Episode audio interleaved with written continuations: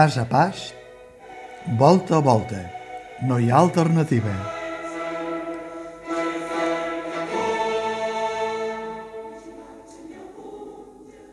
La calòrica ha sabut guardar molt bé el secret. La perla de l'espectacle Le Congrès ne marche pas, que s'amaga fins després dels 90 minuts clavats que dura l'obra. I la perla té nom propi, la veterana actriu Roser Batalla, una de les convidades en aquesta ocasió a la companyia, com ja van fer amb Mònica López en el seu anterior muntatge. Roser Batalla es marca un extens i polític discurs ideològic en anglès, sobretitulat, extret de la intervenció de la Dama de Ferro, la controvertida primera ministra Margaret Thatcher, quan, el 1990, va haver d'esquivar una moció de censura que va guanyar i que va portar el Regne Unit a una de les crisis més demolidores de finals del segle XX. Enrigueu-vos-en de Meryl Streep quan es va posar en la pell de la mateixa dama de ferro a la pel·lícula The Iron Lady de fa 10 anys. Roser Batalla fa una conversió gairebé tan espectacular com aquella, després d'haver batallat, mai més ben dit pel cognom, amb vestit d'època en la trama anterior de la comèdia, que la calòrica situa a la Viena del 1814, quan la decadència de l'ancien règim esclata del tot amb un congrés que, entre pastetes, sexe i licors, havia de refer la vella Europa després de fer recular Napoleó i que els mandataris de França, Prússia, Rússia, Àustria, Gran Bretanya, fins i tot la picaresca Espanya i alguns nouvinguts de més van fer durar des de l'1 d'octubre del 1814 fins al 9 de juny del 1815 sense resoldre res, ni adonar-se que el món ja no era el que era i el que ells encara mantenien tancats en la seva bombolla de disbauxa i d'ulls clucs davant les revoltes socials ja havia fet figa. No és la intenció de la calòrica fer un curset d'història del que va representar el canvi europeu cap a l'economia liberal entre el capitalisme i la democràcia. I per això han convertit l'efemèride en una comèdia que té moments hilarants, excessivament hilarants, fins i tot amb el perill que se'ls escapi de les mans, però que, a pesar d'alguns petits ajustos de tempo que no li farien cap mal, fa que els espectadors la segueixin amb el pistó ben despert. Le Congrès ne marche pas ha estat, em sembla, un salt al buit de la calòrica companyia encara jove, si es vol dir així, però que ja porta 13 anys de vida amb espectacles tan valorats com els tres més recents. Farflay, Els ocells o De què parlem mentre no parlem de tota aquesta merda.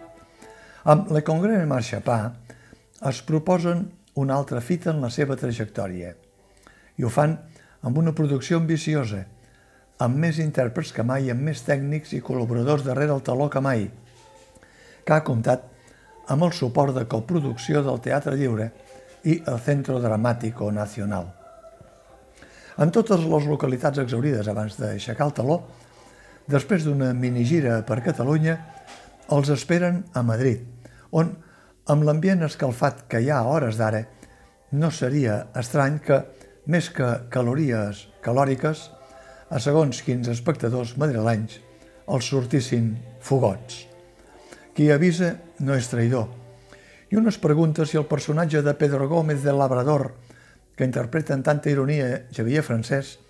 serà vist amb l'esperit de sàtira que demana o, com una ofensa, el sagrat pedigrí del regne. L'espectacle de la calòrica té una característica que, tot i ser de factura catalana, el fa singular – els intèrprets, personatges reunits a Viena, utilitzen el francès com a llengua coiner. Tots els intèrprets, doncs, han hagut d'aprendre's un text de rèpliques i contrarèpliques en francès, que sona prou bé, però que té la justificació d'influència estrangera, que és parlat per personatges que tenen l'anglès, l'alemany o el rus com a llengües pròpies.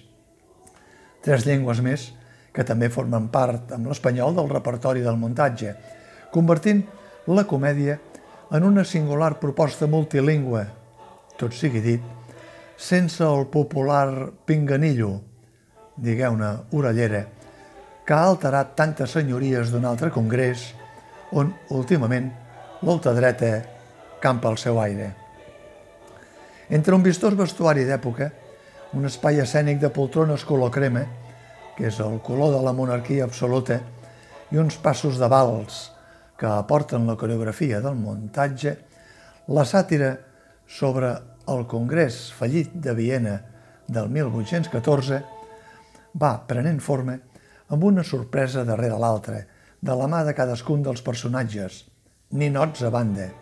i amb una banda sonora bàsicament de Ludwig van Beethoven. Des de l'anfitrió del Congrés, el primer ministre austríac Clemens von Metternich,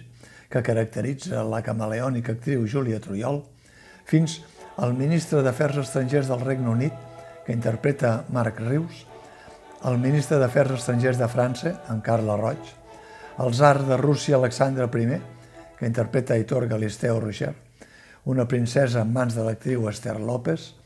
i un doblet d'una lady acompanyant del ministre anglès amb Roser Batalla. A més de l'actor Javier Francès,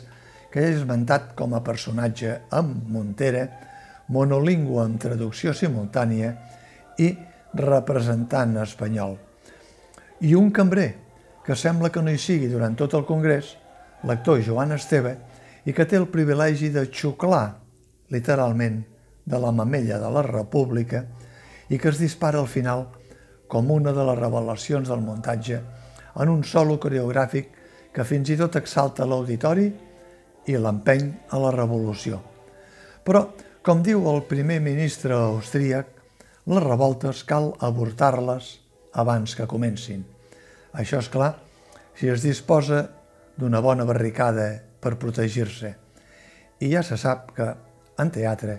fins i tot una barricada improvisada de fusta vella, com si fos una foguera de Sant Joan, és possible.